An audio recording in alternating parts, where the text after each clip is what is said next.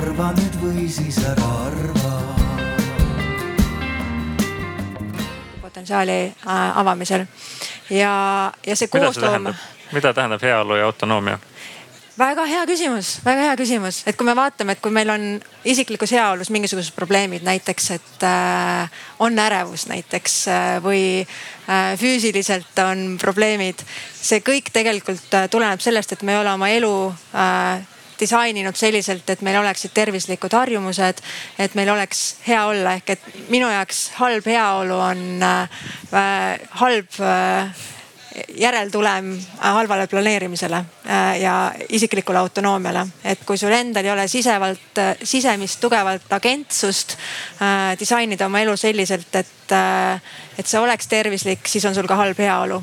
ehk et me ei taha vaadata heaolu ainult isolatsioonis, vaid me tegelikult soovime saada aru, mis see juurprobleem on ja kustkohast need halvad otsused saavad alguse ja, ja vaadata seda kompleksselt. ja ma arvan, et selles ongi tegelikult võti Äh, paremale heaolule, kui sa saad ise aru, mis sinul ketti maha tõmbab, kui sa saad aru, mis sulle energiat juurde annab, kui sa saad aru, mis sul hästi välja tuleb, mis sa tegelikult peaksid ennast kaasa aitama, siis, äh, siis sul ongi vähem probleeme. kas kõikide jaoks sai selgeks, kust saab alguse halb heaolu?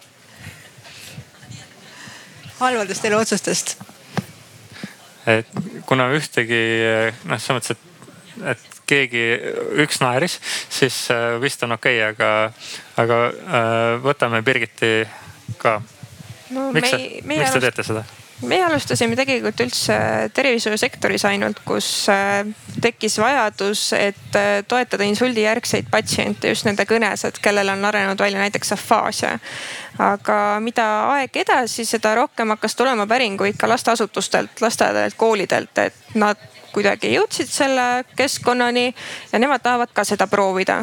Ja mida rohkem tuli selliseid päringuid, seda rohkem me mõtlesime, et aga, et miks me keskendume ainult siis insuldipatsientidele, et see probleem on ju palju suurem, palju teravam ja hakkasimegi siis looma aina interaktiivsemaid, aina mitmekesisemaid harjutusi, et pakkuda ka noorematele abi, sest et kui lapsel on mingisugune kõnehäire või kõnearengu probleem juba väikses eas ja me ei aita teda, siis see liigub temaga kaasa kogu tema elu. see läheb temaga kaasa kooli, kui see sealt, ta sealt ei saa abi, siis see liigub temaga kaasa tema täiskasvanu ellu.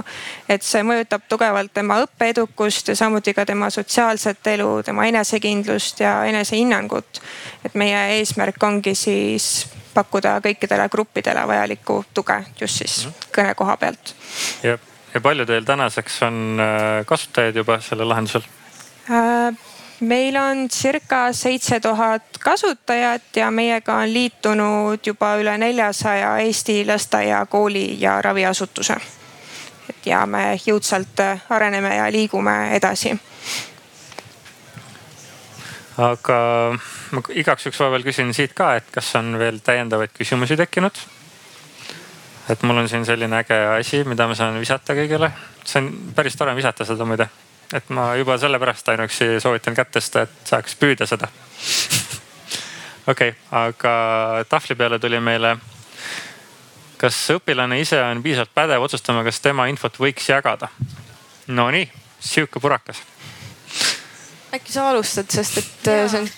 ja võin alati. Äh, see täiesti oleneb äh, vanusest et, et kui me vaatame teismelisi ja varateismelisi, siis äh, ja see täitsa oleneb ka sellest, et missugust infot jagada. et äh, suuremad suhtlusplatvormid ja Facebookid ja nii edasi on tegelikult alla kolmeteist aasta keelatud. Äh, seda ka väga suure põhjusega ja see tuleneb hästi USA õigusruumi reeglitest. et aga kui me vaatame, mis meil Euroopas toimub, siis tegelikult Euroopas on veel kaitsvamad meie seadused ehk et see GDPR paneb tegelikult äh, päris palju asja paika ja, ja tegelikult annab ka õiguse sellele, et äh, sul võib olla õigus unustatud ja sa võid oma dataga tegelikult teha, mida sa ise tahad. et, et siin on päris palju on juba seaduse poolt ära määratud. ja kui me vaatame seda konkreetset rakendust, mida meie teeme, kus siis me oleme andnud õpilasele päris suure otsustusvõimaluse, mida enda andmetega teha, siis siiski selle programmiga alustamine on ikkagist ka koostöös vanematega, mis tähendab seda, et, et see alguspunkt peab olema selline ehk et ühiselt saadakse aru, mis on see, mis seal toimuma hakkab ja mida on okei okay jagada ja mida ei ole et äh, ja me väga visualiseerime neile, mis info on ainult neile nähtav ja mis info on siis äh, teistele nähtav. ehk et me alustame väga varajasest juba selle info visualiseerimisega, mis tegelikult, kui me vaatame sotsiaalmeediaplatvorme, siis tegelikult see ei ole päris hästi tehtud. mis tähendab seda, et, et lihtsa nupuvajutusega võib juhtuda päris palju asju, mida sa võib-olla ei taha, et juhtuks ja seda on väga raske tagasi võtta. ehk et me töötame väga palju selle nimel, et, äh, et see digiteadlikkus juba varasemast saaks õpilastel olema selge? ma arvan, et see on äh, tegelikult nagu päris karm küsimus üleüldse, et, äh, et kuna seadus täna ei luba justkui kellelegi teisele seda infot jagada, siis äh, ainuke variant ongi see, et subjekt ise peaks ju otsustama, et okei okay,, mul on tegelikult, ma saan aru, et mul on mingi psühholoogiline issue siin või asi. et ma peaksin võib-olla näitama seda kellelegi aga ma arvan, et see on nagu niivõrd lai filosoofiline küsimus, et võib-olla me jätame selle nüüd sinnapaika. ja võib-olla räägime sellest, et äh, kuhu te olete välja jõudnud ja, ja mis on nagu teie tulevikuplaanid, et, äh, et natukene vaadata, vaadata seda poolt ka, sest et mulle tundub, et äh, seda tasuks noh meil on selline eestlaslik tagasihoidlikkus vaadake onju. et, äh, et äh, Kadri Haljas on tegelikult võitnud äh, üle euroopalisi auhindu ja üle maailma auhindu tänu sellele, et ma lihtsalt ise olen uurinud, ma tean seda. aga ega ta jumala eest ise seda ei räägi, aga nüüd räägid kas ma pean auhindadest rääkima või tegelikult? paari sõnaga. ma ja me oleme selles mõttes saanud siis tervise, tervisevaldkonnas nii, nii Skandinaavias kui Euroopas parimaks äh, Äh, digilahenduseks ja tervisevaldkonnas nagu üleüldse on ka nagu number, number kaheks nii-öelda. ja, ja üldse valdkondade üleselt ka erinevatel äh, sellistel deep tech, äh, no erinevatel startup ja tehnoloogia ähm, konkurssidel, siis on meil väga hästi läinud, sellepärast et me tegeleme ühiskondlikult väga põletava probleemiga ja me teeme seda sel viisil, et see omab nagu suurt mõju, sellepärast et äh, lapsed ka päriselt kasutavad seda ja kasutavad seda pikema ajaperioodi jooksul. Aga, aga mida me alguses tegime tegelikult või, või, või kuhu me oleme jõudnud, on see, et äh, kui me üldse pihta hakkasime sellega ähm,, siis me ei teadnud seda, et see saab olema mäng ja me ei teadnud seda, kuidas me seda teeme. ja me hakkasime kaasama lapsi hästi paljudest erinevatest kultuuriruumidest. me raiskasime nii-öelda või kulutasime jõhkralt palju aega selleks, et, äh, et jõuda nende universaalsete probleemideni, mis on lastel Eestis Singapuris, Guatemalas, ükskõik kus äh, üle maailma, kasutada neid teooriaid, kasutada seda sisendit siis, mis on nagu vastuvõetav kõikides erinevates kultuuriruumides, see metoodika, narratiiv, kõik, et äh, meie eesmärk ongi jõuda kõikide lasteni üle maailma, olenemata sellest, mis on nende kodune keel, kus nad elavad, kas nad saavad üldse, millisel tasemel nad saavad ravi näiteks, millisel tasemel on nende haridussüsteem.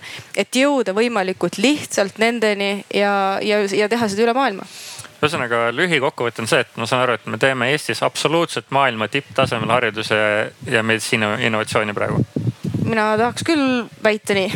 väga hea Eesti on väga hea koht selliste asjade tegemiseks, sellepärast et äh, meil on üliägedad inimesed äh,, kellega seda koos teha ja meil on nii-öelda ühe telefonikõne kaugusel on äh, maailma tipptegijad, mis tegelikult annab üliägeda võimaluse siin seda innovatsiooni luua. et et ma kõigil julgustan, kellel on mingisugunegi mõte peas, et, et mitte karta, et, et siin on võimalus asju teha.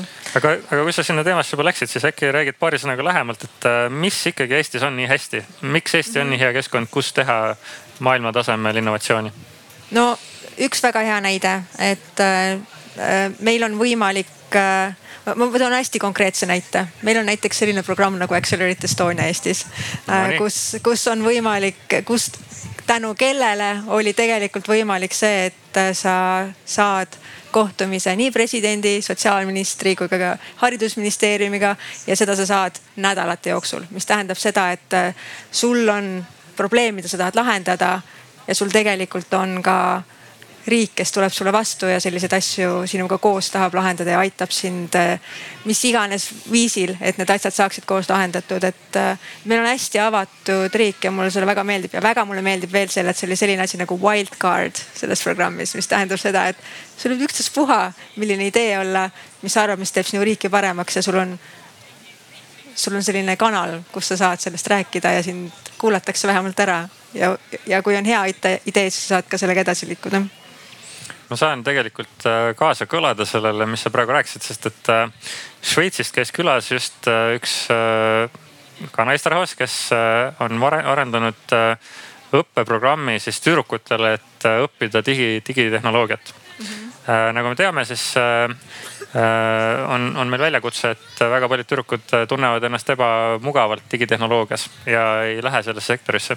kui ma võin korra publikut isegi natukene ärritada siis äh, äh, ma tooksin ühe väite. et me kõik teame, et tüdrukud on jube halvad programmeerimises, on ju? et äh, äh, ma kohe räägin selle tausta ka ära, et, et äh, tegelikult, kui hakati programmeerima, siis põhilised programmeerijad olid üldsegi naisterahvad ehk siis programmeerimine naiste töö. sest see oli sihukene näppudega nihuke noh lihtne nagu töö on ju. et ei olnud vaja midagi rasket tõsta ega midagi aga alles kuskil kaheksakümnendate keskel, kui praegu tagasi on uuritud, on leitud, et äh, see olukord muutus, et millegipärast äh, hakati arvama, et programmeerimine on rohkem meeste töö.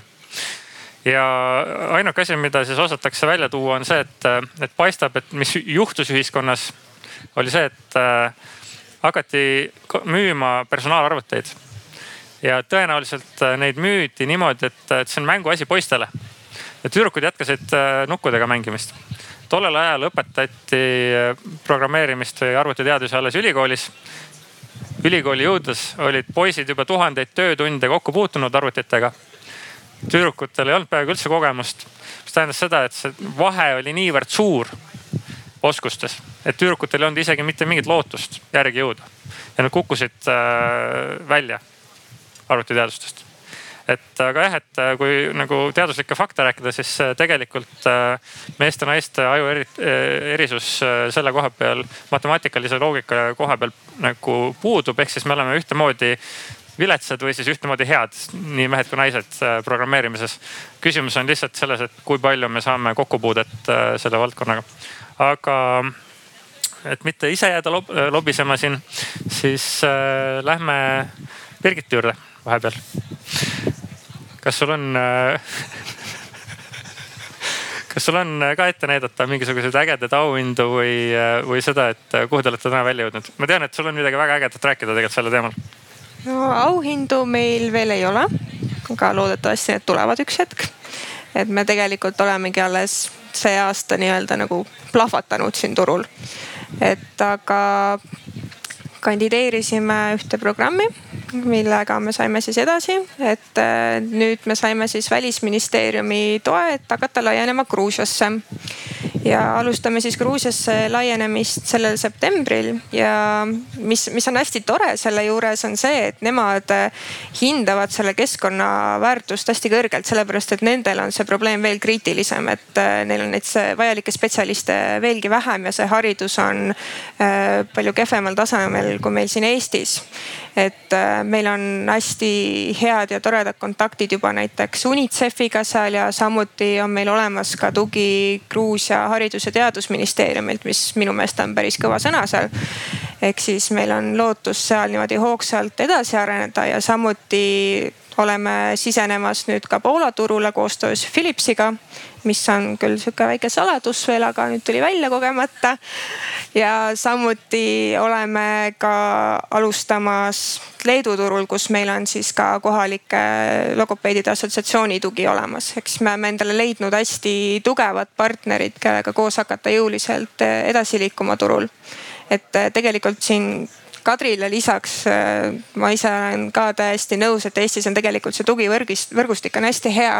et nende kontaktideni pääsemine on tehtud üsna, üsna lihtsaks, et meil on nagu just riik on väga palju aidanud leida vajalikke kontakte üle maailma, mis on osutunud ääretult äh, väärtuslikuks ja mis aitab sellele turule väga edukalt siseneda ühesõnaga, meil on siin kiidetud juba vähemalt kolme, neil, kolme ministeeriumi kindlasti. MKM oli siin, käis läbi ehk siis Majandus-Kommunikatsiooniministeerium pikalt, et tõlkida publikule ka. siis äh, haridusministeerium mulle tundus, et kõlas siit läbi, et on väga head tööd teinud ja nüüd ka välisministeerium aga Just. ma tahaksin tegelikult äh, Kadri liiga palju Kadrisid, liiga palju Kadrisid. ma tahaksin tegelikult sinu jutule ühe asja välja tuua, mis sa mainisid tegelikult, et, et äh, tänu partnerite abile. et mis tähendab seda, et sa mainisid Philipsit, et, et võib-olla, et ma võib-olla tooks hea näitena välja, kuidas meie Eesti turul äh, nii lühikese ajaga tegelikult jõudsime päris paljudesse koolideni. on sellepärast, et äh, Telia, kellega meil on samad väärtused äh,, otsustas, et äh, ta eesti ja venekeelse Glanbidi kasutuse äh, võimaldab siis Eesti koolidele. ehk et äh, ma väga usun ka selliste eraettevõtete partnership idesse, kes tegelikult äh, kannavad samu väärtusi ja tahavad ühiskonnas seda samasugust äh, muutust väl, äh, sisse viia mm. -hmm. ehk et, äh, et alati ei pea olema see riik, kes teeb seda riiki paremaks, ehk tegelikult äh, äh kogukonna tasand ja ettevõtted, äh, kellel on ühised väärtused, saavad samamoodi. mul on tunne, noh vaadates kõiki teid, et äh, absoluutselt igalühel on võimalus panustada sellesse, et teha mingisugust, et lahendada mingit väga suurt probleemi ühiskonnas. et, äh, et noh, inspiratsiooniks kõikidele kuulajatele. aga ma vaatasin vahepeal sedasi, et, et meil on veel küsimusi seal Mentimeetris, et äh, võtame selle äkki korra ette. kuidas te projektiga liitunud õpilaste lapsevanemaid kaasate? kuidas me seda küsimust siis võiksime tõlgendada, kas keegi kohe tunneb, et tahaks vastata? ma võin, ma võin vastata nagu selles suhtes, et, et ma ei tea, kas oli konkreetselt suunatud mulle või, või kellelegi teisele, aga, aga meie teeme lastevanematega koostööd niiviisi, et et meil on hästi pikk protsess, kuidas me uusi äh, nii-öelda uusi osasid siis lahendusse paneme sisse.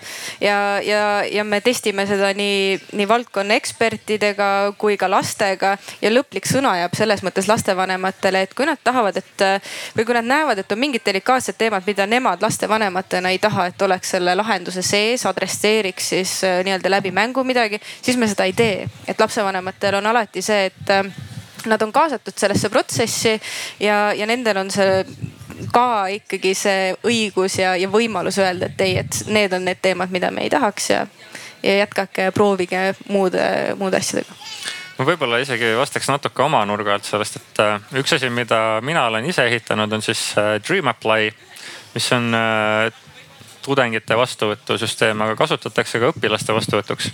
ja seal on ikkagi sisse ehitatud otseselt nihuke lapsevanemate kaasamise süsteem, kus äh, siis, kui laps on ala, alaealine, tema lapse, ta peab märkima oma lapsevanema andmed sinna sisse ja lapsevanem peab ära kinnitama siis, et lapsevanem on nõus sellega, et tema laps äh, kandideerib siis antud kooli või kõrgkooli õppima et, äh, et tegelikult nagu seaduses on suhteliselt palju noh, nii-öelda juba reguleeritud sisse, et mida ja kuidas tuleb lapsevanemaid äh, kaasata. et äh, Dreamapply on ka muide päris toredasti kasvama läinud, et meil on juba kolmekümne viies riigis tegevused, kuskil kolmsada ülikooli. ma arvan, suurusjärk kolm-neli miljonit kasutajat aastas, et, et ka üks Eesti hariduse innovatsioon kas keegi veel soovib seda küsimust võtta või võtame järgmise? Ma võin lihtsalt kommenteerida, kuidas meie poolt käib vanemate kaasamine, et, et kuna meie rakenduse äh, nii-öelda maaletooja kooli on siis klassijuhataja ja suuresti klassijuhatajad on need, kes äh, kaasavad ja kommunikeerivad siis lapsevanematega. ja see täitsa oleneb kooli enda reeglitest äh,. et kas see vastutus siis on jäetud koolile või antakse lapsevanemale üle. et päris paljud koolid on äh, Äh, teinud selliseid õhtuid, kus nad siis kutsuvad lapsevanemad äh, äh, klassi ja teevad koos õpilastega kogu selle asja läbi ja saavad kogu selle info, kuidas mingi asi toimib. ehk et oleks kõigil või võimalikult head teadmised. aga vahest toimub see ka läbi emaili, see teavitus, et, et mis ja kuidas toimub ja selle nõusoleku küsimine. aga teie puhul ma saan aru, et lapsevanemad on juba päris otseselt kaasatud, on ju? Ja meil on see asi hästi lihtsaks tehtud, et kuna meie põhikasutajagrupp laste puhul on lasteaiaealised ja algklassi lapsed, siis selleks, et neile üldse meie keskkonda konto luua, on vaja lapsevanema nõusolekut. ja me liidestame selle lapsevanema e-posti aadressiga ja tema hakkab saama teavitusi, kui on antud mingid uued ülesanded, mida tuleb lapsega teha, mis ajaks need on vaja teha ja kui laps ei oska lugeda, siis lapsevanem peabki koos lapsega harjutama. ja kuna me oleme veendumusel, et enamus tööst äh, toimub kodus ikkagi, mis on lapse põhiline keskkond, mitte logopeedi kabinet, siis peabki lapsevanem olema kaasatud kogu protsessi.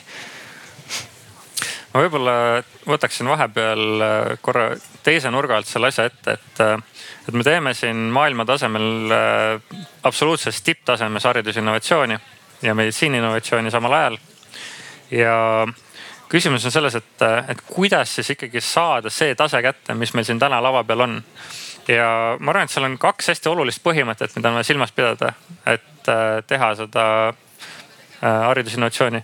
võib-olla mul oleks huvitav kuulata tegelikult, et mis teie arvate, mis need kõige olulisemad asjad on kõigepealt ja siis ma võib-olla targutaksin ise sinna otsa veel. kuidas teil tunne on, mis on kõige olulisemad asjad, mis, mida peab silmas pidama, et teha nagu maailma tasemel innovatsiooni? mina, mina lihtsalt oma mätt otsast ja Kadri lõikas ka selle välja enne, on see koosloome pool mida on Eestis ka väga hea teha, kaasata erinevaid äh, osapooli ja ma arvan, et see loob väga palju väärtust, sellepärast et äh, need, kes päriselt kasutavad lahendust, on juba algusest peale protsessi kaasatud seda koosloomet ei pea absoluutselt ainult Eestis tegema, et, mulle väga meeldis kuulata sinu enne, et sa võid seda teha kasvõi Guatemalaga või sa võid seda teha Singapuriga, et meie teeme näiteks Lähis-Ida ja, ja, ja ka Aasiaga ja, ja erinevate Euroopa riikidega, et see tegelikult äh, kuigi, kui koroona tuli, äh, me pidime oma koosloome nii-öelda meetodid päris tublisti üle vaatama, et kuidas seda teha. et äh, aga digitaalselt on seda ka võimalik väga hästi teha, ehk et äh, see kaasamine ja erinevate vaatepunktide saamine selleks, et luua seda tervikut, et sa mainisid, et, et leida need ühispunktid, mis tegelikult on universaalsed. et sa tegelikult ei jääks ainult ühte näiteks Eesti kooli kinni või Eesti äh,, Eesti demograafia peale kinni, et sa tegelikult pead arvestama erinevate kultuuride omapäradega ja sealt leidma need ühisosad, et ma arvan, et selles on see võti mm. -hmm täiesti nõus, et äh, ma ise mõtleks samamoodi, kaks märksõna, üks on kaasamine ja teine on visioon et enne kui me liigume mingite konkreetsete lahenduste funktsioonideni, peab panema paika visiooni. et eh, mis on üldse see probleem, mida me lahendame ja milline see võiks ideaalses maailmas välja näha, see lahendus. ja alles siis, et eh, hakata looma mingit eh, konkreetset lahendust super, aga ma paneksin omalt poolt siia otsa siis kaks põhimõtet, mida mina näen kogu aeg, et mida peaks järgima. esimene on skaleeritavus ja see tähendab seda, et on täiesti okei okay alustada selle väljakutse lahendamist kuskil külakoolis. Äh, Kapa-Kohila on mu lemmikkool. Äh, kusjuures ei ole kunagi kontrollinud, kas üldse kool on aga vähemalt Kapa-Kohila on väga popp äh, koht, mida näidetes tuua. et, et ütleme, et Kapa-Kohila koolis me hakkame lahendama probleemi. ütleme, probleemiks on see, et hüperaktiivsetele lastele on vaja õpetada korrutustabelit ja me mõtleme välja maailma parima lahenduse selleks, et äh, kuidas siis korrutustabelit õpetada hüperaktiivsetele lastele. väga hästi. ja äh, aga kohe, kui me hakkame seda lahendama, seda väljakutset, peaks olema kuklas see mõte, et kui mu naaberkülakoolis on ka seda, seesama väljakutse, ehk siis seal on ka mõni hüperaktiivne laps, kellel on vaja korrutustabelit õpetada siis nemad peaksid ka saama võtta selle, mis me oleme siin välja töötanud ja rakendada seal oma koolis on ju. täpselt nii, nagu me siin oleme selle välja töötanud ja võib-olla isegi kohe niimoodi mõelda, et aga äkki on kuskil teisel pool maailma, Guatemala käis läbi, seal on samasugune külakool kuskil, Kapa-Kohila nimeline. ja siis nemad saaksid ka võtta selle meie lahenduse ja rakendada on ju enda koolis. see on nagu see skaleeritavuse põhimõte. ja üleüldse ma arvan, et avaliku sektori innovatsioonis peaks sedasama põhimõtet järgima mitte ainult hariduses ja meditsiinis, vaid ka laiemalt mis on positiivne, on see, et äh, nagu me kuulsime, siis äh, Eesti riik on tõsimeeli sellest aru saanud ja proovib seda jälgida, et seda, seda põhimõtet saaks rakendatud. teine põhimõte on jätkusuutlikkuse põhimõte. jätkusuutlikkus äh, hariduskontekstis minu jaoks tähendab seda, et see tiim, kes lahendab mingisugust väljakutset, peaks mõtlema kohe selle peale, et kuidas see asi tooks niivõrd palju tulu sisse et vähemalt oleks võimalik maksta õiglast töötasu nendele inimestele, keda mul on vaja selles, seda tiimi, sinna tiimi, et seda asja teha hästi maailma tasemel. et ma saaksin selle palgaraha neile kokku vähemalt noh, ja loomulikult on hästi, kui sealt tekib ka rohkem et, et tekib väike ülejääk ja võib, võib-olla isegi kasum, on ju. aga et noh, esimene ülesanne on see, et palgaraha kokku saada. Et, äh, et see nüüd äh, põhimõte väga sageli projekti rahastusega ei sobi kokku. ehk siis see viis, kuidas me täna väga sageli hariduse ja meditsiini innovatsiooni ja avaliku sektori innovatsiooniga laiemalt teeme, on see, et me anname mingisugusest toetusraha aga vahel on seal isegi eeskirja, eeskirjas sees, et, et pärast selle asja valmis saamist ei tohi selle asjaga teenida mitte midagi. Mis tähendab seda, et äh, inimesed, kes äh, neid projekte teevad, kui see projekti raha saab otsa, siis neil ongi nagu põhimõtteliselt nagu valik, et kas ma panen selle asja kinni või lähen Telia juurde ja ütlen, Telia, te olete nii äge ettevõte, te kindlasti tahate toetada, et ma saaksin nagu edasi teha seda asja aga Telia kahjuks vist peab ütlema üsna sageli, et sorry, me ei jaksa kõiki ägedaid innovatsioone enda kukile võtta. kas Telia sooviks kommenteerida seda? ei soovi praegu aga, aga mul on, mul on nagu selles mõttes hästi hea meel, et Eesti suured ettevõtted äh, järjest rohkem on äh, noh, tegelikult see, ma arvan, et see olukord on isegi muutunud, et Eesti suured ettevõtted äh, on alati oluliseks pidanud hariduse kvaliteeti ja selle tõusu ja panustanud omalt poolt sellesse. et äh, lihtsalt äh, kõiki asju tõesti ei ole võimalik ainult üksikute ettevõtete najal kanda, et need lõppkasusaajad kuidagipidi võiksid siis leida võimaluse tasustada neid tegevusi. alates noh, kas see ja see lõppkasusaaja võib olla lapsevanem laps, aga võib-olla ka koolipidaja ehk siis kohalik omavalitsus Eestis sageli, kool ise vahel ka õpetaja ise on ju. Et need ärimudelid, kuidas äh, neid innovatsioone nii-öelda käigus hoida, võivad olla väga erinevad. vahetevahel äh, on ka mingid siuksed mudelid, kus need, mitte keegi, hoopis mingit turundusteenust pakutakse, millega kaetakse selle asja tegemise kulud ära, on ju. Äh, siin tegelikult see küsimus, mis on nüüd meil seina peal, on väga tihedalt kooskõlas sellega, mida me siin just arutasime, et mis põhimõtteid oleks vaja järgida, et äh, saaks head haridusinnovatsiooni ja meditsiiniinnovatsiooni. aga mm, see küsimus, ma ikkagi loen selle korra sinna ette ka, et äh, mida soovitaksite teistele alustavatele founder itele? Founder on siis selline elukas, kes otsustab, et äh, mina teen mingisugusele probleemile hea lahenduse. kes sooviksid haridusvaldkonda tuua uusi lahendusi? tahate soovitada veel midagi lisaks sellele, mis, millest me just rääkisime? Mina võib-olla juhiksin tähelepanu nendele erinevatele ökosüsteemidele, mis meil on, sellepärast et äh, kui, kui vähegi võimalik, õppige meie vigadest, mida meie tegime, et alguses meie väga arvasime seda, et me saame ise hakkama, teame täpselt, kuidas teha või, või, või teame täpselt, kuidas oma vigadest õppida. Aga me kõik arvame alati seda, et see, mida me teeme, on maailma kõige lahedam, see on ju selge, me ei teeks seda muidu aga kui tuleb ka tugi äh, ökosüsteemist ja tuleb tugi sellisest äh, väljaspool institutsioonist, kes äh, usub sellesse, siis on sul palju äh,, see on, see on tohutu abi äh, turule sisenemisel. Ja teine asi on see, et sa näed ka seda, et mida juba tehakse, ei ole vaja seda ratast uuesti leiutama hakata, võib-olla on panustada võimalik juba olemasolevatesse või siis leida ka selliseid äh, viise, kuidas võib-olla veelgi huvitavamalt ja teistmoodi sellele probleemile läheneda, läheneda ja, ja pakkuda lahendusi. ehk siis äh, juba varsti toimub ETEC Estonia Tartu kogunemine. minge sinna kohale, saage sõpradeks olemasolevate tegijatega ja saate väga palju häid nõuandeid just täpselt teie ideed puudutavates teemades. Kristlin, kes seda üritust korraldab, on meil ka täna siin äh, publiku hulgas, et äh, kui keegi äh, tahab nagu täpsemat infot saada, siis ETEC Estonia kodulehelt, vabandust, Facebooki page'ilt saab selle info kätte. Kadri, tahad ka lisada näpunäiteid? No kui hariduse suunal founder eid on, kes sooviks probleeme lahendada, siis tegelikult neid probleeme on nagu ülipalju, et, et jagub tervele Eestile äh, neid lahendada. Äh, ma ei räägi Eesti haridussüsteemist, ma räägin ülemaailmsest äh, olukorrast. et et äh, aga kõige olulisem on see, et aru saada, et see on, seal on hästi palju kompleksseid probleeme. ja selleks, et äh, mingisugust asja lahendada, siis tuleb äh, see nii-öelda minimum viable product või see üks väike asi, mida sa alguses lahendada tahad, nagu üliselgelt defineerida, sest et meil on kõigil väga suured südamed sees ja me tahaks väga palju probleeme korraga lahendada, aga kõiki asju korraga ei saa lahendada, et sa pead tegelikult panema hästi kindla fookuse, mida ma lahendama mm. hakkan. sest et nii niipea kui sa selle asjaga edasi liigud, siis tulevad sinna nii-öelda juurdub sisse erinevaid äh, asju, mis kõik seda mõjutavad, seda probleemi, mida sa, mida sa lahendad. ja siis on sul oht minna väga-väga laiaks ehk et, et minu soovitus founder itele, kes hariduse suunas midagi tahavad ära teha, on äh,, on vaadata asja hästi-hästi fokusseeritult alguses ja siis liikuda edasi, et kõigepealt valideerida ära see probleem ja siis liikuda edasi.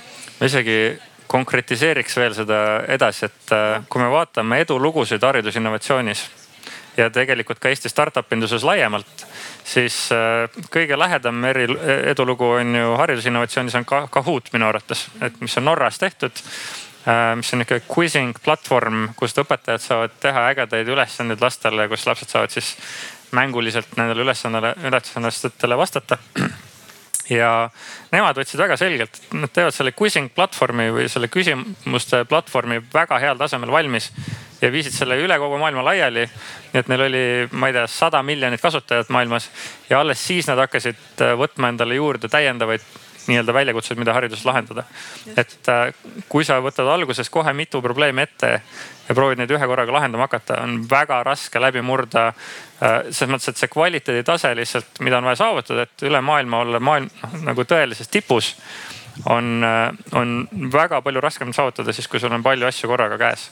Aga kui sa võtad, et korrustabel hüperaktiivsetele lastele väga hästi selgeks teha, siis sa tõenäoliselt lähed kõikidesse maailma klassitundidesse, kus on hüperaktiivseid lapsi ja õpetajad armastavad sind ja lapsed armastavad sind. tundub, et sul on uus startup'i idee, mida sa järgmisena tegema ma hakkama. lihtsalt see näide mulle lihtsalt nii väga meeldib, sest kõik saavad aru, et korrustabel on vaja kõigil selgeks saada ja kõik saavad aru, et hüperaktiivsed lapsed on olemas mm. -hmm. ja neid tava, tavaõpiku järgi matemaatika õpetamine on väga raske neile, et parem, et järelikult on seal vaja mingit lahendust kes soovib sama lahendust, siis ühinege Märdi tiimiga äh,. mul on tegelikult neid ideid, mida hariduses, mis probleeme lahendada nagu startup idena, noh on nagu muda. aga võime, kui keegi tahab võtta mul nööbist kinni, siis pärast võime pikemalt rääkida. Äh, kas sul on ka soovitusi?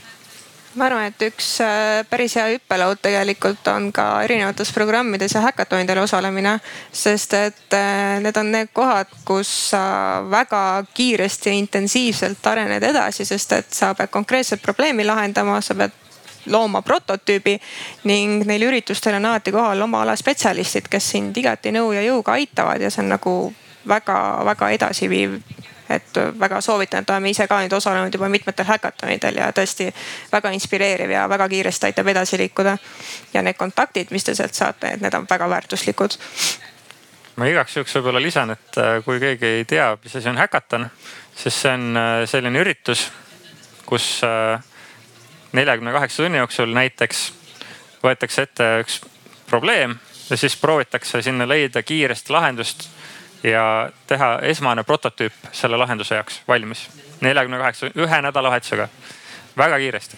et äh, ja see on üliäge, sellepärast et äh, see on nihuke hea energiaga, sageli inimesed tulevad seal peale ja tohutult keerulisi probleeme võib äh, ära lahendada nihukese neljakümne kaheksa tunnise sprindiga. ja et mitte jätta asja õhku rippuma. sügisel, oktoobri keskel ETEC Estonia korraldab hariduse innovatsiooni äkki koos haridusministeeriumiga. Et äh, kõik on väga oodatud äh, oma ideedega sinna tulema ja, või siis kui ei ole ideed, tule lihtsalt kohale, proovida liituda, äkki seal on mõni teine, kellel on äge idee, kellega saate liituda ja nendega koos ehitada mingisugust ägedat haridusasja. jälle, Kristlin on meil korraldaja ja äh, lisaks te rääkisite ennem ko äh, koosloomest. Eestis on ka olemas hariduse innovatsiooni jaoks koosloomeprogramm. Samuti Startup Estonia, Tallinna Ülikool ja ETEC Estonia seal koos toimetavad sellega, see toimub kevadeti. et äh, see aasta oli vist kuus, kes võeti programmi vastu ja said seal äh, õpetajatega koos koolides arendada uusi asju. Kadri oli kõige aktiivsemalt meie poolt sellega seotud tahad sa sellest rääkida paar sõna? ja et äh, ma väga ise usun oma kogemuse põhjal sellesse koosloome mõjusse selles mõttes, et äh, sa saad lahendada reaalseid probleeme äh, sellistel viisidel, mis reaalselt neid probleeme ka lahendavad ja see programm on loodud selleks, et, et viia kokku ettevõtteid ja konkreetseid koole, siis et testida neid lahendusi ja neid koos luua, mis tähendab seda, et kui sa sinna programmi alguses lähed, sa tegelikult ei tea, mis sul see lõpptulemus on, aga sa pead olema avatud äh, selleks loomeprotsessiks selliselt, et sa tegelikult saadki teada, mis toimib ja mis ei toimi. et, et äh, kui kellelgi on äh, ettevõtte idu kuskil kasvamas, siis väga soovitan sinna programmi kandideerida. jah, aga kui ei kannata ära oodata, siis Tartus, millal see täpselt oli, see üritus?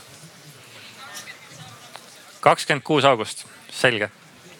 et äh, ETK Estonia Facebooki lehelt endiselt korrutan, et saab selle täpse info kätte. ja, aga kui ei ole isegi hariduse teemaline startup, siis ma väga julgustan ka äh, garaaž nelikümmend kaheksa punkt org'i vaatama, kus tegelikult on äh, väga paljudel erinevatel teemadel korraldatakse häkatone, kus sa saad siis minna, kui sul on oma idee või kui sul ideed ei ole, sa oled lihtsalt huvitatud vaatamaks, milline see häkaton siis tegelikult välja näeb, et, et julgustan minna lihtsalt kasvõi kuulama või panustama mingis muus rollis. võid olla turundaja, võid olla ideeomanik, võid olla arendaja, et ja võid olla ka täiesti algaja, sul ei pea olema eelnevat kogemust, et sinna minna, et, et minge kasvõi kuulama. päris palju näpunäiteid, väga konkreetseid, mis, mida teha siis, kui teil on kellelgi idee, et teha mingisugune, lahendada mingi probleem või väljakutse hariduses või meditsiinis ma igaks juhuks vahepeal tõstan seda asja ka ülesse. kas keegi publikust võtab julguse kokku, küsib, kripeldanud juba kümme minutit olete oodanud siin, saaks ära öelda oma küsimuse, aga keegi ei anna sõna. näed, sellise agiteeriva tooniga ei saa Eesti publikust mitte midagi aga seina peale tuleb küll neid küsimusi kas ja kui palju on võimalik algoritme digirakendustes petta? kuidas tegeleda abivajajatega, kes ise abi ei vaja? see tundub juba päris filosoofiline. Nendega, kes vastavalt äh, täpselt nii nagu nad arvavad, et äh, vastaksid need, kellel kõik korras äh,. nii, mulle tundub, see on nagu psühholoogia auku teema. ja ma tahan väga vastata ja ma tahan väga tänada seda inimest kes äh, selle küsimuse küsis, sest see on väga vajalik küsimus ja see on väga oluline ähm, teema, sellepärast et äh, kui me räägime sellest, mis siin ära kirjeldatud on, see on selline sotsiaalne soovitavus. kui meile antakse küsimustik ette, kas me teame, kas me vastame ausalt või me vastame niimoodi, nagu me tahaksime endast muljet jätta. ja kuidas on siis võimalik äh, kui on ka digilahendus, siis see on vahet ei ole, kas on paberi ja pastakaga vastatud küsimustik või, või mis muljet sa endast üritad jätta või sa teed seda digitaalselt. ja, ja see on äh, väga paljuski ka selline, kui me räägime algoritmidest ja iseõppivatest algoritmidest ehk siis selle data põhjal, mida sa sisestad, siis tulevad seal järgmised sammud ja see õpib koos sinuga. siis seda on nagu keeruline tegelikult Äh, just sellel samal põhjusel äh, teha, et, et kui seal tekib selline valetamise moment, et inimene, kes valetab, me oleme väga head äh, inimestena valetama nii iseendale, valetama teistele iseenda kohta, jätma mingisugust muljet või heitama fassaadi.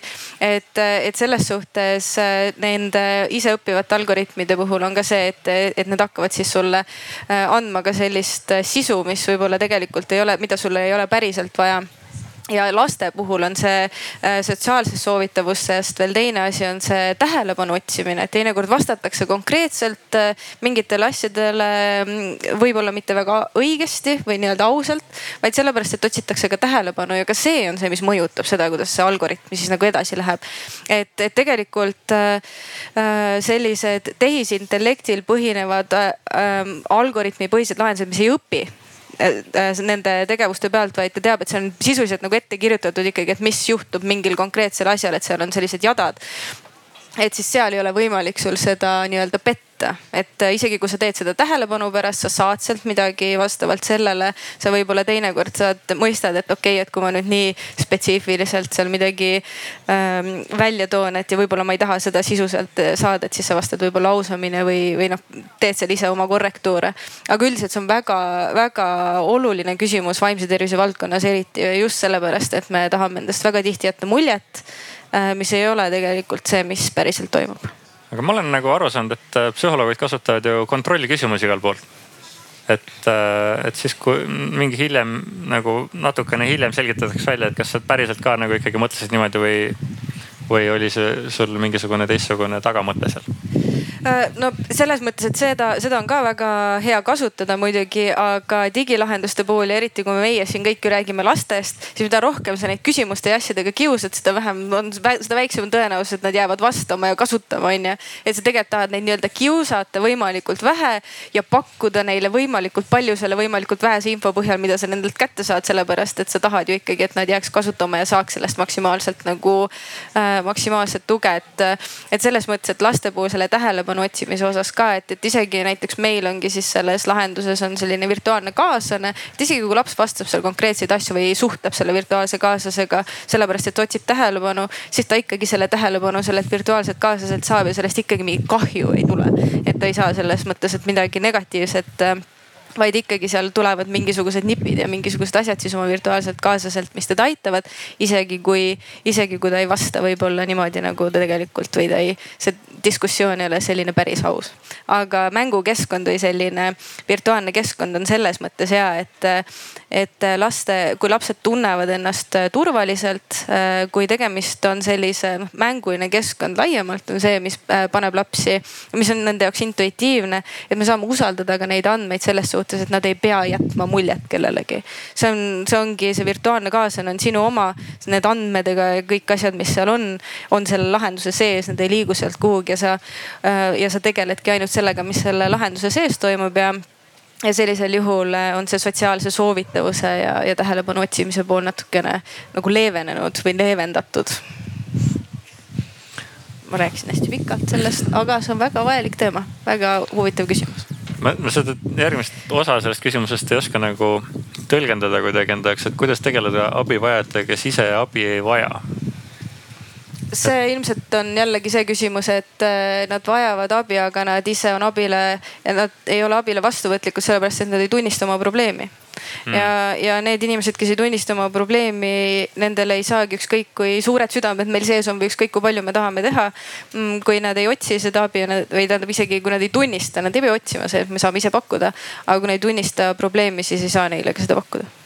okei okay., nii lihtne ongi. psühholoogid ütlevad, et lost, lost cause ei, kindlasti mitte keegi pole lost koos, aga, aga inimene peab iseendas sellele järeldusele ka nagu jõudma et tuleb sellega tegeleda ja mida varem me alustame, mida varem on see normaalsus, meil kultuuriliselt ei ole ju kunagi olnud õhtusöögi äh, lauas, pere tuleb kokku ja kõik räägime, no kuidas sa ennast täna tunned ja kuidas üldse läinud on ja et, et nagu vaimse tervise teema ei ole olnud meil selline kultuuriliselt väga populaarne teema. et, et selles mõttes, mida varem me alustame, mida varem me tutvustame lastele, et on normaalne ennast äh, nagu väljendada, avaldada oma, oma arvamust, rääkida oma sisemaailmast ja püüda ennast paremini nagu mõista, äh, siis seda rohkem me ka jõuame selleni, et inimesed märkavad seda, et neil on abi vaja, nad tunnistavad seda ja nad jõuavad ka siis äh, edasiselt abini. ma kohe küsin publiku käest küsimuse, et äh, millal teie viimati rääkisite kellelegi, mida te tunnete, kas see oli viimase nädala aja jooksul? tegelikult näed, päris peaaegu kolmandik on viimase nädal. kes on viimase kuu aja jooksul rääkinud, mida te tunnete kellelegi? No neid peaks olema palju rohkem. kes mitte kunagi üldse ei räägi kellelegi oma, mida te tunnete okei okay,, selle kohta on nagu paha kätt last tõsta, et see on nagu halb küsimus. Aga... see on sotsiaalne soovitavus jälle, et sa tegelikult võib-olla tahaks vastata ausalt, aga no keegi ei tõsta kätt. nüüd on juba nõme või tõsta kätt, et, et tegelikult just psühholoogid ju just ütlesid, et jube tore on rääkida. nii, seal on küsimus, kas ma tohin sind visata sellega? Hopsti. töötab, töötab jah, väga hea. nüüd seoses selle küsimusega, et mul on endal nagu näide, et ma, minu küsimus seisneb selles, et äh, mis on siis sotsiaalmeedia roll nagu vaimsel tervisel? meie kui kultuur, eestlased on ju, et meie ei tunnista seda, et nagu, mis meil sisemuses toimub. ja siis nagu pöördume sotsiaalmeedia poole või ma ütlesin see, kuidas mina tunnen, et ma näiteks äh, mul oli vestlus emaga, sain sellist tagasisidet, mis mulle ei meeldinud, et äh, nagu hoia suu kinni, on ju, et see on nagu mingisugune probleem, on ju, et sul on probleem, et hoia suu kinni ja lihtsalt kannata ära, on ju. ja see on see, mis on nagu alati olnud, on ju, eestliste kultuur, lihtsalt kannata ära. et äh, milline on siis nagu sotsiaalmeedia roll teie arvates ja minu arvates on just see, et äh, see aitab nagu minul siis vähemalt äh, mitte üksi tunda ennast, üksilõsena tunda, jah okay.. ma tahaks tahaki, ma, ma võib-olla võtan selle küsimuse, et kas mul, ja nüüd töötab mikrofon. et äh, see täitsa oleneb sellest sotsiaalmeediast ka ja siin ilmselgelt on generatsioonide vahe. ehk et, et kui võib-olla vanasti laps rääkis siis, kui kana püsib äh,, siis tänapäeval on tegelikult hästi julgustatud see, et sa tegelikult äh, läbirääkimise saad endast paremini aru. ehk et äh, üks asi on seda kogu maailmaga jagada, aga teine on ka see asi iseenda jaoks lahti kirjutada, et kui me vaatame, et miks vahest osad inimesed hästi palju postitavad mingitel teemadel, see on see enesereflektsiooni osa ka, et nad tegelikult kirjutavad iseendale need probleemid lahti aga kui me vaatame erinevate sotsiaalmeedia platvormide olemust, et kui me võtame näiteks Facebook, Instagram, TikTok, siis nendel on ka hästi-hästi suured erinevused. ehk et näiteks Instagramis on see Insta perfect life, kus kõik peab olema väga-väga kaunis, väga ilus, seal ei ole lubatud eksida. seal sul tekibki selline tunne, et kõik teised on nii palju paremad kui mina, aga kui sa vaatad näiteks TikTok'i, siis seal tegelikult on neid äh, nii-öelda mikro community eid, kus äh, äh mille tegelik olemus ongi see, kus sa räägid, et kui halvasti sul kõik on ja siis teised suhestuvad sellega. ehk et, et kui sa tegelikult äh, ma saan aru, et emaga või kellegi vanemaga on vaja äh, rääkida, et, et kus, millises keskkonnas on okei okay midagi jagada ja kus ei ole okei okay,, siis, äh, siis ma väga julgustan otsima privaatsemaid äh, platvorme, kus võib-olla ei ole võimalus sind guugeldades leida kõiki sinu probleeme, aga ma väga julgustan koguma enda ümber tegelikult neid inimesi, kes, kellega sul tekivad lähedased suhted ja kes tahavad sind kuulata ja kes tahavad sulle kaasa aidata. ehk et tegelikult sotsiaalmeedia kui selline üleüldiselt ei ole, ei ole väga halb, kui sa tegelikult suudad ise aru saada, et kes seda infot näevad ja, ja kes, kes siis sellele reageerivad. ehk et, et võib-olla ma Facebooki kõigile ei paneks oma probleeme äh, kõigile nähtavale, aga kui sul on väiksem kogukond mingisuguses grupis, kellega sa julged neid asju jagada, siis see on, see on väga-väga okei. Okay ja isegi julgustaksin äh, seda äh, kasutama ehk et, et mitte jääda oma muredega üksi ja, ja püüda neid ka lahti kirjutada ja vahest ei peagi alati sotsiaalmeedias neid asju jagama. sa võid tegelikult kasutada seda nii-öelda enesereflektsiooni vormi ka ja kirjutada endale privaatselt päevikusse endale need asjad lahti. ehk et sellest on ka ülitihti palju abi, et, et, et kui sa kõigepealt kirjutad endale need asjad lahti siis äh, ja kui sul mingid asjad seal jäävad, mida sa ei suuda ise ära lahendada, siis kõigepealt otsida väiksemast grupist abi ja siis alles minna suuremate gruppide juurde, kus, kus võib-olla inimesi, keda sa ei tunne ja kus võib-olla su probleemid tulevad guugeldades välja, et, et, et ma väga julgustan otsima privaatsemaid keskkondasid selleks. kas sulle tundus, et sa said lahendatud oma küsimuse, vastatud? ei, ma lihtsalt tahtsin üldistada nagu arvamust, et sotsiaalmeedia roll, eriti mina kui noorena, ma olen kahekümne aastane, et äh, siis ma olen märganud seda ka kes siis ei kuulnud, et äh, see, ma lähtusin siis loomulikult endast, ma olen kahekümne aastane ja mida ma olen märganud, on see, et äh, nooremad generatsioonid või noh, mitte generatsioonid, aga nagu viisteist, kes on praegu viisteist, kolmteist, kaksteist, üksteist. Need ka tunnevad, hästi palju on praegu tehtud ka äh, uuringuid, et äh, teismelised tunnevad ennast väga-väga üksildasena. ja siis sellepärast nad just pöörduvadki sotsiaalmeedia poole, sellepärast et seal nad näevad, et okei okay,, sellel inimesel on ka probleem. ja nüüd, kui nagu minna jällegi noh, tulen tagasi enda juurde ja nagu personaalse isikliku nagu arvamuse juurde, siis ma elan Eestis. et äh, noh, selles mõttes, et äh, nüüd ma nagu avaldan midagi, mida ma ise just nagu sain teada, mis on väga-väga nagu huvitav ja šokeeriv, et äh, paar päeva tagasi ma otsisin nagu seksuaalse ahistamise kohta. ja ma leidsin et, et viiskümmend neli protsenti naistest ei pöördu mitte kellegi poole selleks, et saada abi, sellepärast et Eestis on sihuke asi nagu victim blaming ja siis mõtlesin enda peale ja nagu see ei pea olema otseselt seotud nagu selle ähm, seksuaalse haismisega, see on lihtsalt nagu igal pool, minul vähemalt tundub niimoodi.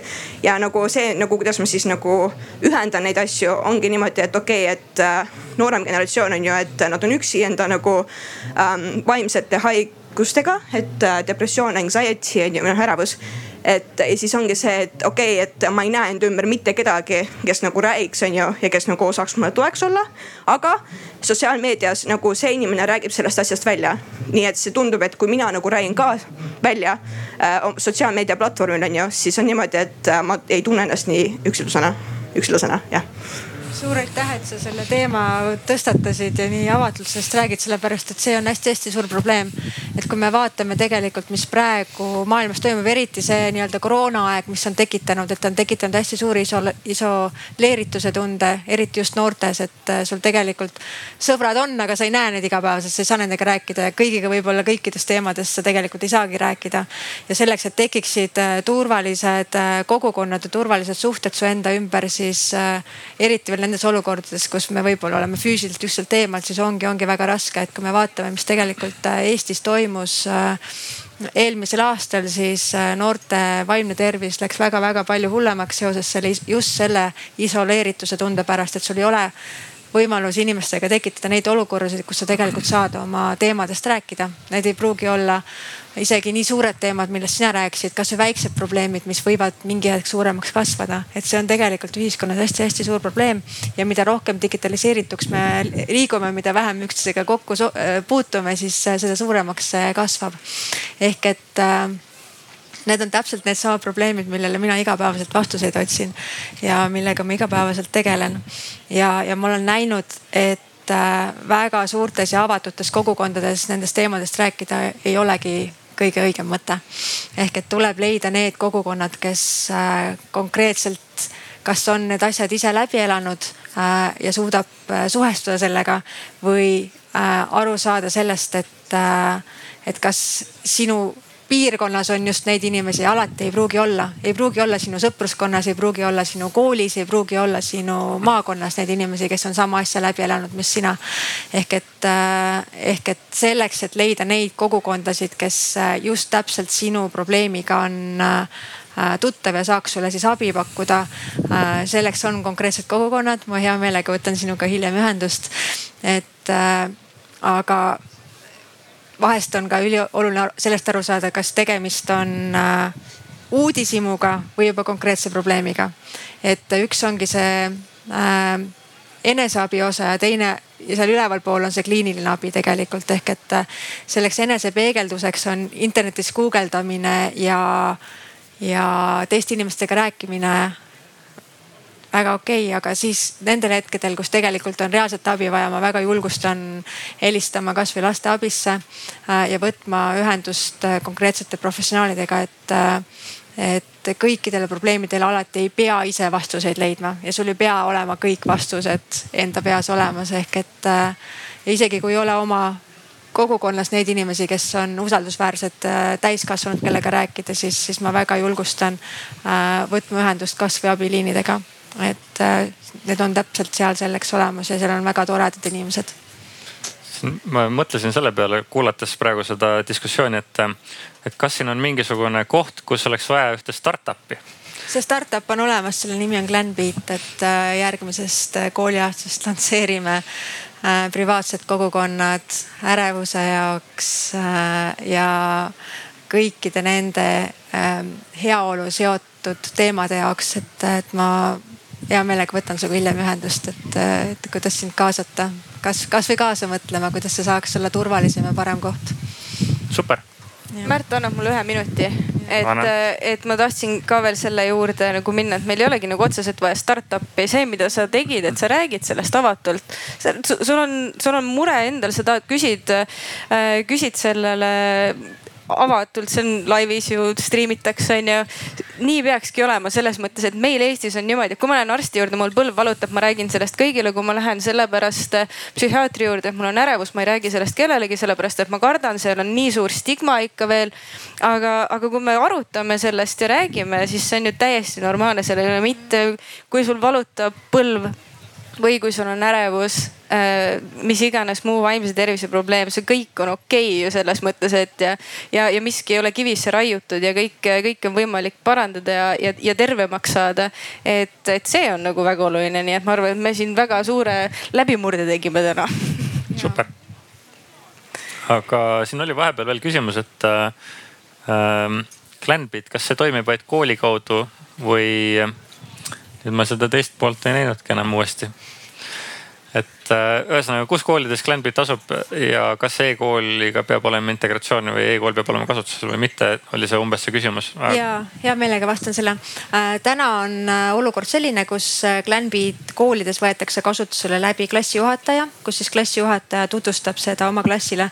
alates järgmisest aastast on hea meel teatada, et seda saab ka iga üksikine inimene kasutada ja individuaalselt siis sellega liituda ja me teeme lahti ka kogukonnad erinevate heaolu teemadel nagu ärevus, mure äh, ja nii edasi, kus saab ka nii-öelda koolide ja ka riikide üleselt äh, nende teemadega tegeleda ehk et individuaalseks kasutuseks loodame olla avatud järgnevast aastast. aga täna kõik klassijuhatajad, kes tunnevad, et nad tahaksid oma klassile paremini tuge pakkuda, siis julgustan uurima glambit.com'i. ma annan viimase ma arvan, et see on täna viimane võimalus avalikult publikule küsimus küsida nendelt ägedatelt äh, neiudelt, kes on ne, naistelt. naised on vist õigem sõna eesti keeles. naised, naised. ja, nendelt ägedatelt naistelt, super, näed. tervist ähm,.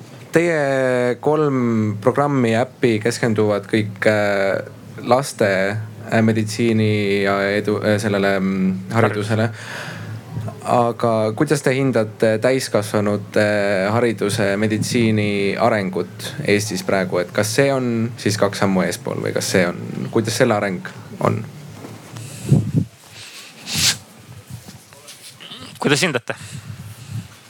täiskasvanute haridus ja meditsiin ma arvan, et täiskasvanute hariduse osas on päris palju ägedaid äh, samme tehtud, et äh, nanokraadid ja selline äh, vajadusepõhine õppimine on päris hästi kättesaadav, et igal inimesel, kes tunneb, et tal on soov ja tahtmine midagi õppida, siis täna, tänaseks on need võimalused olemas ja mulle äh, koroonaaeg isiklikult väga ei meeldinud, aga hariduse suunas tegi see hästi palju edasiminekuid, mis aitas nagu teha kättesaadavamaks ja võtta üldse seda stigmat maha, et ma pean istuma füüsiliselt kooliruumis või klassiruumis, et midagi õppida.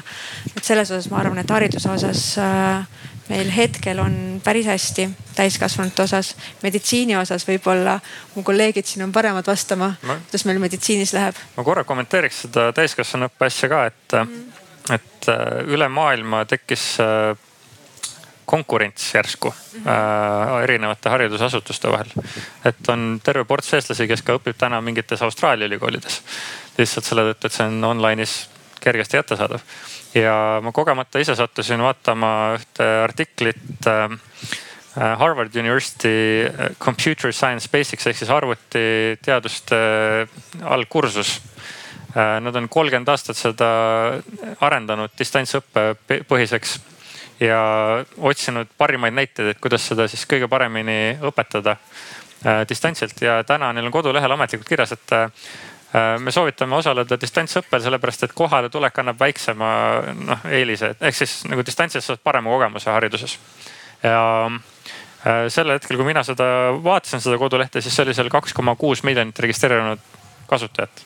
ehk siis äh, tänu sellele, et, et toimus sihukene distantsõppele üleminek, siis need lahendused, kes olid keskendunud juba sellele, et äh, pakkuda paremat äh, haridust distantsilt, said veelgi rohkem tähelepanu ja tänu sellele ma arvan, et tegelikult äh, kõikide haridus nagu ligipääs ja kogemus saab paraneda lõpuks. teisi arvamusi? võib-olla räägiksin just selle meditsiini poole pealt hoopis, et et täiskasvanute meditsiin, et siis tegelikult on, mulle tundub, et on ka väga palju lahendusi ka seal tulemas, lihtsalt meditsiinis liiguvad asjad aeglasemalt, sest et sageli need lahendused sisaldavad endas erinevaid tundlikke andmeid. mis tähendab seda, et väga väga tugevat on vaja, esiteks on vaja tõenduspõhisust, teiseks on vaja, et kõik oleks äh, turvaline ja see lihtsalt ongi aega nõudev protsess, sest et sa pead äh, järgima nii palju erinevaid regulatsioone ja valideerima oma lahendust. ja see lihtsalt äh, võtab võib-olla natukene kauem aega ma lihtsalt ütleks seda, et, et lõppkokkuvõttes hea teenus on see, mis on kättesaadav teenus on ju, et nii hariduse kui meditsiini valdkonnas äh, ongi need põhilised edasiminekud on ju, et me saame digitaalselt pakkuda äh, igasuguseid kaugvastuvõtte ja, ja, ja muid asju, mis nagu varem ei tulnud kõne allagi või lootsime loomulikult, et võib-olla viiekümne või kümne aasta pärast see saab normaalsuseks, sai väga kiiresti koroona pärast. Aga lõppkokkuvõttes meditsiinivaldkonnas, et kui me vaatame lapsi või täiskasvanuid või ükskõik millist vanuserühma, siis ikka nagu kõik muud valdkonnad meie elus on igatpidi ära mängustatud ja igatpidi huvitavad ja saame igasuguseid auhindu erinevate asjade eest ja kliendiprogrammid on poodides ja igal pool on ju, aga kui arsti juurde lähed, oled ikka õnnetu ja sa ei tea, mis sind seal ees ootab ja sa ikka kardad ja sul on veel sada muud häda nagu, mis sul on nagu seotud sellega ja, ja arst ka suhtleb väga palju selle arvutiga nii-öelda, mitte patsiendiga ja ja seal on täpselt nii nagu Kadri ütles enne, et, et haridusvaldkonnas on võimalik väga palju ära teha, siis meditsiinivaldkonnas täpselt samamoodi. et igaüks võib, võib, võib proovida ja, ja, ja äkki ka selline väga väike lahendus loob väga suurt väärtust, sellepärast et äh, meil on võimalik seda valdkonda väga palju paremaks teha ja inimese jaoks ka mugavamaks, et just ongi see teenuse disain ja kõik nagu see pool, et, et inimene ei oleks nii, nii nagu õnnetu ja üksik ja kõrvale jäetud nagu kogu selles protsessis protsessis, et ta ei saa küsida ja tal ei ole kontakti võimalik luua ja, ja aga üldiselt on tegelikult, tegelikult äh, suund on positiivne. Märt vaatas minu poole, ma pidin igaks juhuks lõpetuseks ütlema, et tegelikult suund on positiivne ja ma tahtsin tegelikult äh, siia otsa panna, et äh, küsimus, et kui palju on siin Tallinna inimesi? lihtsalt huvi pärast. okei okay. äh,, mul on kohe innovatsiooni mõte tuli, kui ma kuulasin sind. et, et meditsiinis on tegelikult väga palju nišše, kus on probleemid lahendamata kui palju olete kokku puutunud EMO-s järjekorras seismisega, Tallinna inimesed? noh, et äh, kujutame ette, et oleks mingi äpp, kes äh, leiaks teile lähima haigla EMO koha, kui, kui teil on vaja seda saada.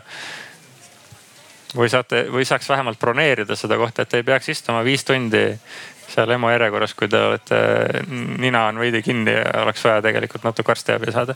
et ma mõtlen, et viimaseks küsimuseks küsiks äh, sellise asja, et äh, mis on olnud kõige lõbusam seik, mis on juhtunud äh, teie raskel rännakul selle ägeda hariduse ja meditsiinialase innovatsiooni tegemisel? kõige lõbusam seik, mis kohe esimesena pähe tuleb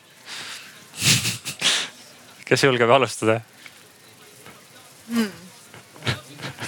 Ma, ma ei, me alustasime on ju haigetest lastest selles mõttes, et need ei ole nagu väga äh, nagu lõbusad lood on eriti vähihaigetest lastest, kui me alustasime, aga äh, ma mäletan lihtsalt seda, et alguses, kui äh,, kui meil arendajad tegid kõva tööd ja oma arust me olime juba väga kõva sellise visuaalselt väga ilusa lahenduse loonud ja siis, ja siis me kogu aeg ju kaasasime lapsi ja siis nad olid nagu mingi, et aa, et nagu see, selline ongi. ja, ja siis, äh, ja siis meil oli see sihtrühma kaasaja, kes ütles, et no jaa, aga meil on ainult kaks arendajat ja siis noh, okei okay,, siis on okei okay,, aga nagu proovige ikka paremini ja tehke nii ja nii ja nii, et see oli lihtsalt meil esimest korda nagu me nägime seda, et lapsed on lihtsalt nii ausad, et kui neile ei meeldi midagi, nad ütlevad kohe ära, et noh, palun, et pakkuge nüüd meile paremat asja. et see oli äge ja sellest me võtsime kohe õppust.